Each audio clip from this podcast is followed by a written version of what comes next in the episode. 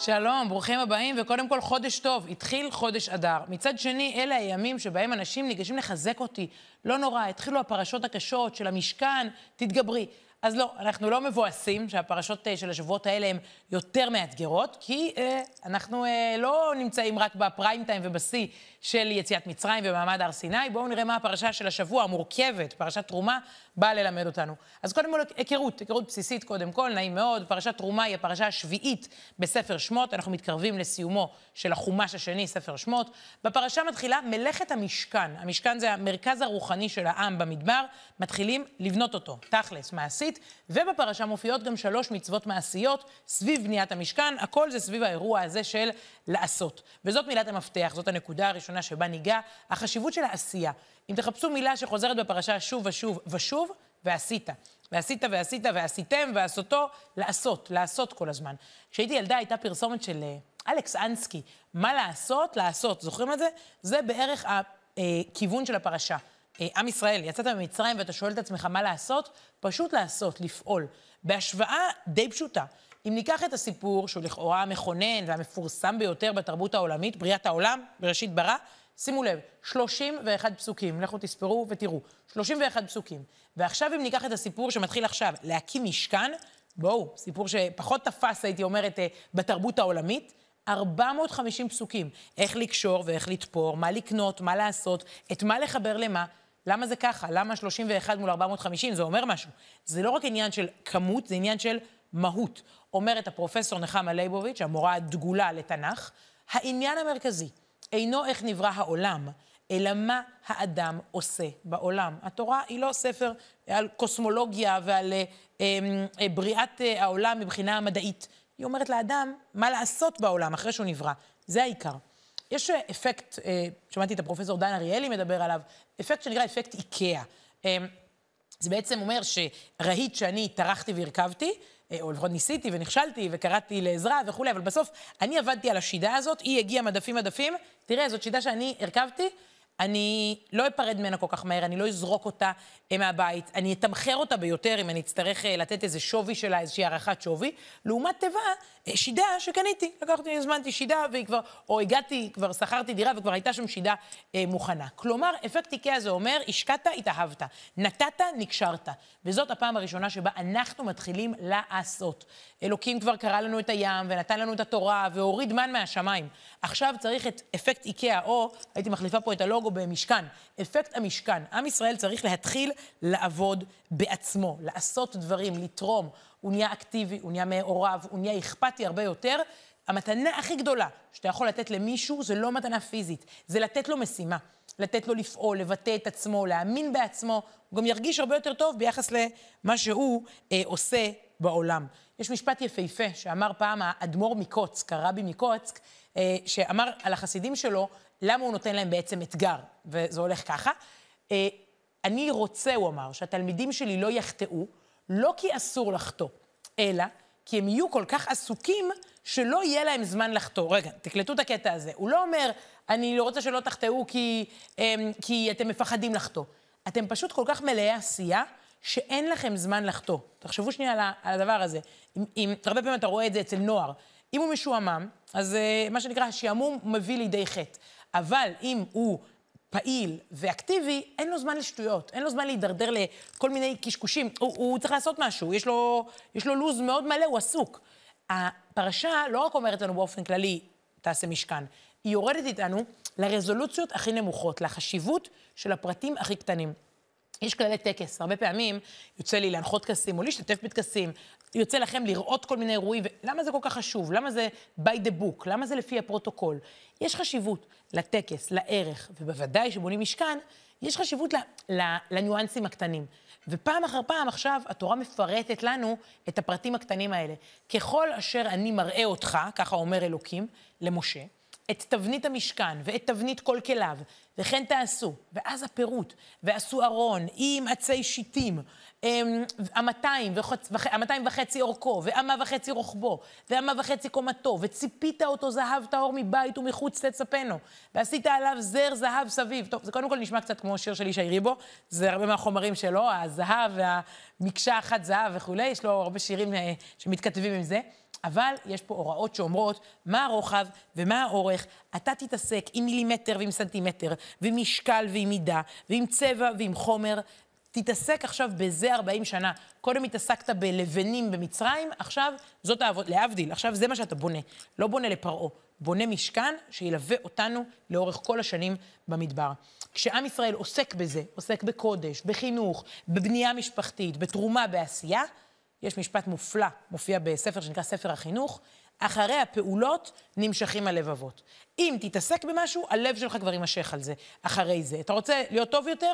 תדאג שהעשייה שלך תלך לכיוון חיובי, זה כבר ימשוך את הראש ואת הלב, כי אם אתה כל היום מתעסק במשכן, אז גם בארוחת ערב, במקום לקטר ולרחל, אז המשפחה כבר תדבר על המשכן, והילד יקום בבוקר ולא יגיד, אמא משעמם לי, אלא אמא, אני רץ לעזור וכולי. הבנתם. אז הנושא הראשון בפרשה הוא העשייה. זו הפעם הראשונה שבה אנחנו מקבלים תפקיד. עד עכשיו היינו מאוד פסיביים, קיבלנו ניסים, קראו לנו את הים, אה, הורידו לנו את התורה, אה, הטביעו לנו את פרעה, הביאו לנו את עשר המכות. חברים, אה, תתחילו לעבוד בעצמכם, לעשות. וזה בעצם גם הכנה, הכשרה לקראת הכניסה לארץ ישראל. וזו לא רק עשייה, הפרשה לא נקראת פרשת עשייה. איך היא נקראת? פרשת תרומה. גם כסף הוא חשוב, ולא צריך להתבייש. לדבר עליו, לתת אותו, לבקש אותו. זה לא מספיק להגיד, תן יד, שים יד. לפעמים צריך להכניס את היד לכיס ולתת. עכשיו, זה קשה, כי עבדנו, ועבדנו קשה על הכסף הזה, כן? אני לא יודעת אם היה מס הכנסה במצרים, אבל קשה לי להתפרנס, זה עבודה. כסף לא גדל על העצים וגם לא ב- בים סוף. לא כיף להיפרד מכסף שעבדת עליו קשה, אבל בדיוק כך הפרשה מתחילה. וידבר השם אל משה לאמור, דבר אל בני ישראל, ויקחו לי תרומה, מאת כל איש אשר ידבנו ליבו, הלב שלו מנדב אותו, תיקחו את תרומתי. לתרום. ראיתי לא מזמן, אה, אני לא יודעת אם זו בדיחה או לא, שטיח כזה בכניסה לבית, תרמנו. כאילו, אל תדפקו, תרמנו כבר.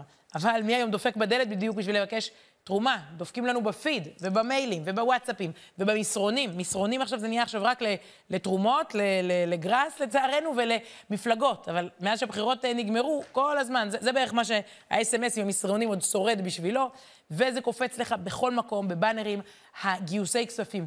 זה קרה בשנים האחרונות, אני חושבת בחמש-שש שנים האחרונות, הנושא של ה-charity, או give back, או head start, או עיגול למעלה.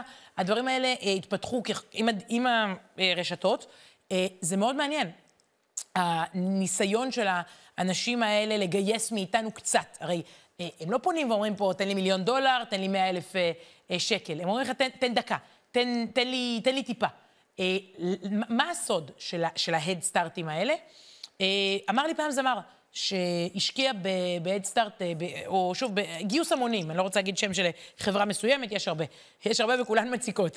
אבל מה הסוד? הוא אמר, השיתופיות, הקהילתיות. אני יודע שאם מאזין תורם לי חי שקלים, אוקיי? 18 שקל, זה בקושי מכסה את הכלום. אה, זה גורם לו להיות מעורב בדיסק. הוא יקבל, הוא יקנה, הוא ישמח בזה, הוא יקשיב לשירים שלי ביוטיוב, הוא יבוא להופעות, הוא כבר מעריץ. תרמת, נקשרת. זה הסיפור, ובהדסטארטים האלה אתה מקדם, בגיוס ההמונים אתה מקדם מעורבות של כל פרט וכל יחיד שמרגיש, אה, נתתי לצ'ריטי הזה, אני, אני חלק מהסיפור. הוא עוקב, הגענו ליעד, לא הגענו. את המעורבות הזו, אולי אפשר להגיד, מיזם גיוס ההמונים הראשון, אה, היה שם במדבר. כלומר, בא אלוקים למשה ואומר, תגיד לעם להתחיל לתרום, להתחיל לתת. עכשיו, אלוקים יכול לבנות משכן לבד, הוא יכול להוריד אותו מהשמיים. הוא לא צריך באמת את הזהב שלי והכסף, הוא גם לא צריך שאני אתפור ויחבר את העצים ואת הבדים. הוא רוצה את הלב, את המעורבות, את הפעילות, ואם הוצאת את היד, הכנסת אותה לכיס והוצאת כסף, השתתפת. עכשיו, לא את, ה, את הבלאי, לא את השאריות אה, אה, הוא מבקש. יש פה חומרים משובחים, יש פה עושר וצבעים ושימוש בחומרים הכי טובים. תראו, וזאת התרומה אשר תיקחו מאיתם. זהב וכסף ונחושת, זה לא שחור לבן פה. ותכלת וארגמן ותולעת שני ושש ועיזים ואורות אילים מאודמים ואורות תחשים ועצי שיטים וגם שמן למאור, בסמים, לשמן המשחה ולקטורת הסמים, וגם אבני שוהם ואבני מילואים לאפוד ולחושן. אה, אנחנו הולכים פה על הרמה הגבוהה ביותר. שזה יהיה יפה, שזה יהיה מכובד. המשכן עצמו, אגב, לא כמו בית המקדש, הוא נראה כמו משהו ארעי כזה. כלומר, אה, הוא לא היה מבנה מאוד מאוד יפה מבחינה חיצונית, אבל מבקשים מהעם לעבוד, לתרום, לתת, לשלם, כי כסף בסוף קונה ערך. נתת כסף, זה אומר, הרבה מאוד פעמים דיבורים אפשר, לבוא לנאום, לגזור סרטים. אני רואה את זה הרבה עם משרדי ממשלה, אתה מסקר, והשר אומר, זה הנושא הכי חשוב, זה על סדר יומי, אני אנאם על זה בכנסת, אני אגיש הצעת חוק. יש תקציב ממשלתי, המשרד העביר כסף, תקציב, המדינה נתנה לזה תקציב, אה, סימן שזה לא מספיק חשוב בשבילכם. אני רוצה שנראה שתי דוגמאות ליחס לכסף, למה כסף יכול מחולל, יכול לחולל בדורנו. אוסקר שינדלר אה, התחיל ב, אני, בתחילת הסרט המפורסם רשימת שינדלר, ברדיפת כסף, באהבת ממון. והסצנה המרגשת לקראת הסוף, סצנה בה הוא מבין שהכסף שלו היה יכול לעשות הרבה יותר, ולהציל יותר נפשות, כי כסף יכול גם להציל חיים, אם תורמים אותו למקומות הנכונים, ומה שהוא עשה כחסיד אומות עולם בשואה זה לקנות חיים, והוא אומר לעצמו בסוף, יכולתי אפילו יותר עם הכסף שלי, אם הייתי מבין נכון מה אפשר לעשות עם כסף בעולם. הנה. וצריך להגיד uh, תודה גדולה על מה שהכסף שלו והעשייה שלו כן עשו. ויש כאלה שקולטים כבר בשלב מוקדם בחיים שלהם שכסף הוא לא המטרה, הוא אמצעי, וכמה אפשר באמצעותו לתקן את העולם. הם לא משועבדים, בניגוד לרובנו אגב, לא משועבדים אה, לממון בשום דרך, כל אחד ו, כן, ורמת השעבוד שלו.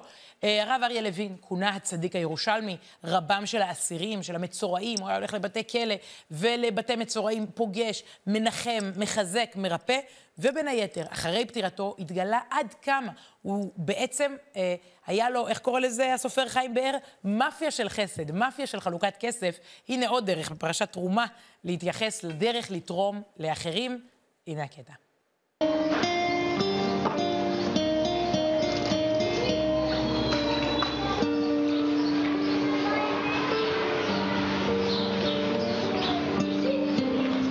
הייתה זירת החיים של ילדותי, כאן היה סניף התנובה של אה, אבא ואימא שלי, וכאן אה, במשך שנים לא מעטות אנחנו היינו רואים את רב אריה בא ומסתודד עם אבא שלי. אני חושב שמעולם לא קיבלנו תשובה מה רב אריה רוצה.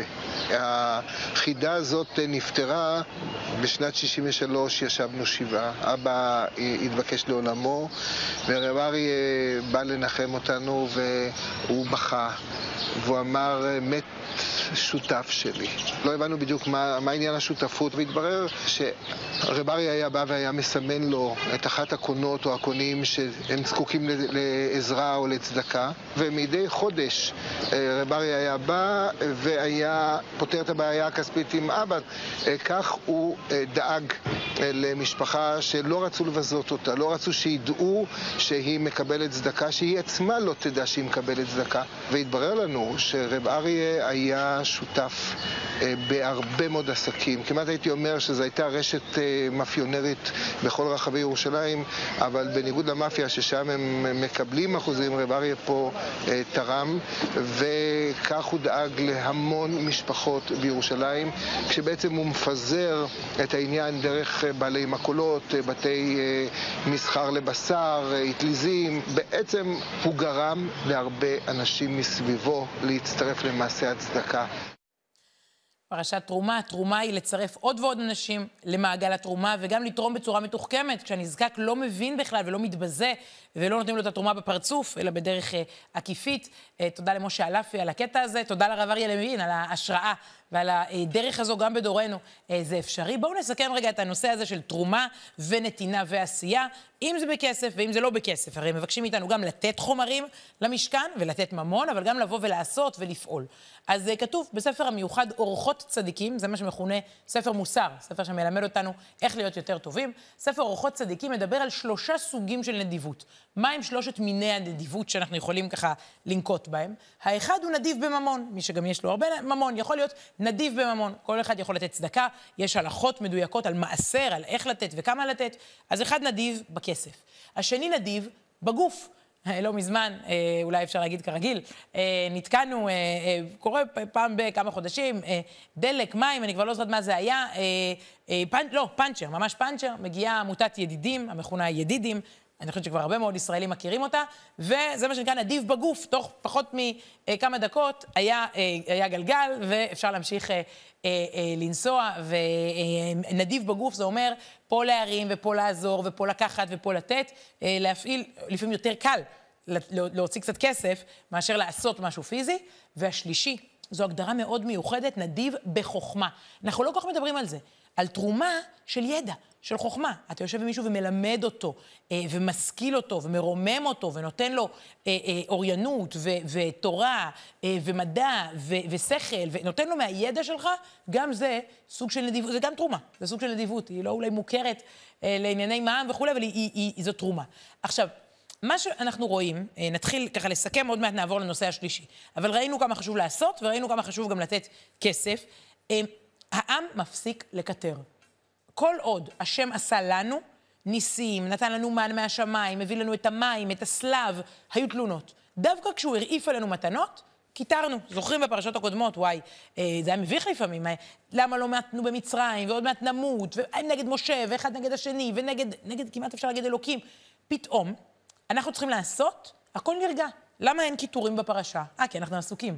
אנחנו במקום יותר בריא ויותר חיובי, אנחנו לא במקום מתפנק של מגיע לי, אנחנו במקום נותן, של מגיע לו, אני רוצה לתת. שימו לב להיפוך הזה, פתאום נעלמו הקיטורים, מין תרופת קסמים כזאת, נגד המרירות ונגד הציניות ונגד התלונות הבלתי פוסקות שקראנו קודם של העם בפרשות קודמות, כי הם קיבלו משימת חיים. זה נכון לילדים בבית, במקום אם המשעמם לי, וזה נכון בכל כך הרבה רבדים. אה, אה, העשייה היא חשובה. אוקיי, אבל מה אנחנו עושים? בסוף אנחנו בונים משכן. זה מוביל אותנו לשאלה האחרונה להיום, איפה אלוקים שוכן? התשובה היא שהוא לא הולך לשכון בתוך המשכן, הוא הולך לשכון בתוכנו, זה קצת מהפכני, אבל הפסוק בפרשה, פסוק שוואו, אלפי שנים, אלפי פרשנים מתעכבים עליו, הפסוק אומר כך, שימו לב, ועשו לי מקדש, ושכנתי איפה? בתוכם. אתה מסתכל ואומר, רגע, אולי זה טעות. אנחנו בונים משכן, ועובדים קשה, אמרנו עכשיו כסף והתנדבות. אז איפה אלוקים אומר שהוא ישכון בסוף? לא, אני לא אשכון במשכן, אני אשכון בתוכם. אה, אמרתי, אלפים אה, של פרשנים מתעכבים על הנקודה הזו, נראה פירוש אחד. הרב אה, יעקב חיים סופר, הוא עלה מבגדד לארץ ישראל, בספר שלו, ישמח ישראל, הוא כותב כך, הרב סופר, ועשו לי מקדש ושכנתי בתוכם, זה כתוב בפרשה, רוצה לומר, כלומר, מה זה אומר? אף על פי שאני מצווה אותך לאמור ועשו לי מקדש, עם כל ההוראות, העיקר שיקדשו עצמם ואשכון בתוכם. רוצה לומר, בתוך כל אחד ואחד, בתוך כל אחד מאיתנו יש בסוף משכן. בסוף בסוף אלוקים שוכן בתוכנו. אם אנחנו בעשייה חיובית וקדושה כל היום, סביב המשכן, זה מכניס את הקדושה אלינו, אה, פנימה, לתוך הגוף, לתוך הבית. אה, הרבה פרשנים שואלים, מהו המשכן בימינו? הרי אין משכן, אנחנו מתעסקים במשהו שהיה במדבר וזהו. בארץ ישראל זה בכלל בית מקדש. אז מה הסיפור? למה עכשיו אנחנו הולכים להתעסק, גם שבוע הבא, עם הפרשיות האלה? מה, מה זה נותן? אה, הרבה פרשנים אומרים שהאדם צריך לבנות משכן בליבו, ושהמשפחה צריכה להיות משכן, ושבית הכנסת היום הוא המשכן שלנו.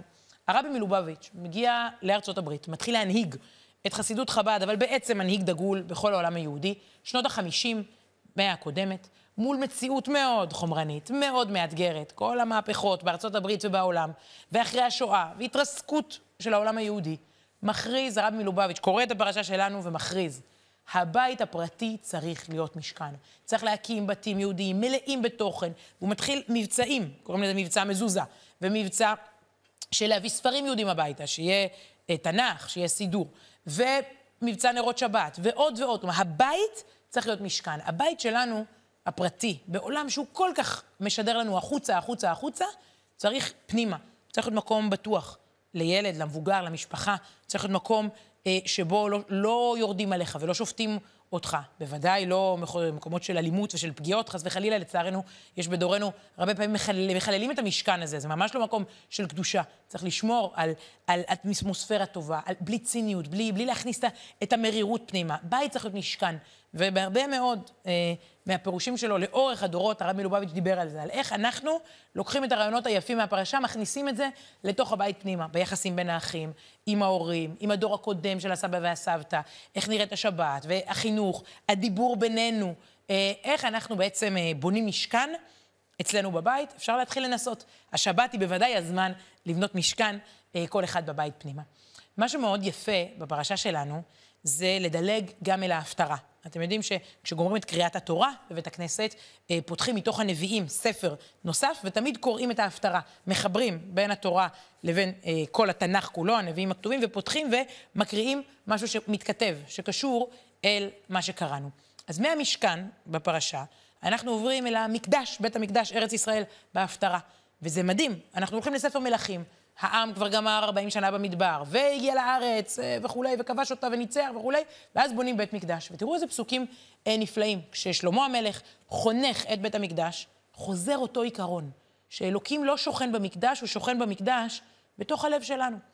ויהי דבר השם אל שלמה לאמור, הבית הזה אשר אתה בונה, אם תלך בחוקותיי ואת משפטיי תעשה, ושמרת את כל מצוותיי ללכת בהם, אם תלך בדרך הנכונה, והקמתי, הקימותי את דבריי איתך, אשר דיברתי אל דוד אביך, ושכנתי, איפה אני שכנתי?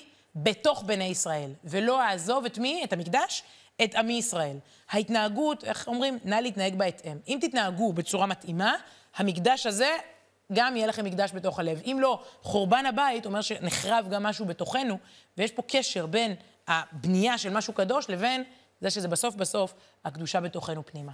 וואו, פרשה קצת אחרת, זה כבר לא המתח של קריעת ים סוף, ולא האקשן של עשרת הדיברות יורדות מהשמיים, פרשות קצת יותר מורכבות, אבל אם המשכתם עד אה, עכשיו, אז כל הכבוד, פרשת תרומה. מאחורינו, היא מלפנינו, נקרא אותה בשבת בבתי הכנסת, אבל נסכם את מה שדיברנו עליו כאן. כמה חשוב העשייה, כמה חשובה העשייה והפרטים הקטנים, אפשר לקחת את זה לחיים שלנו.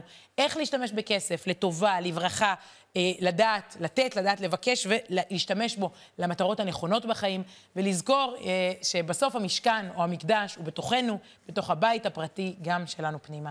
שבת שלום, להתראות בשבוע הבא. להתראות.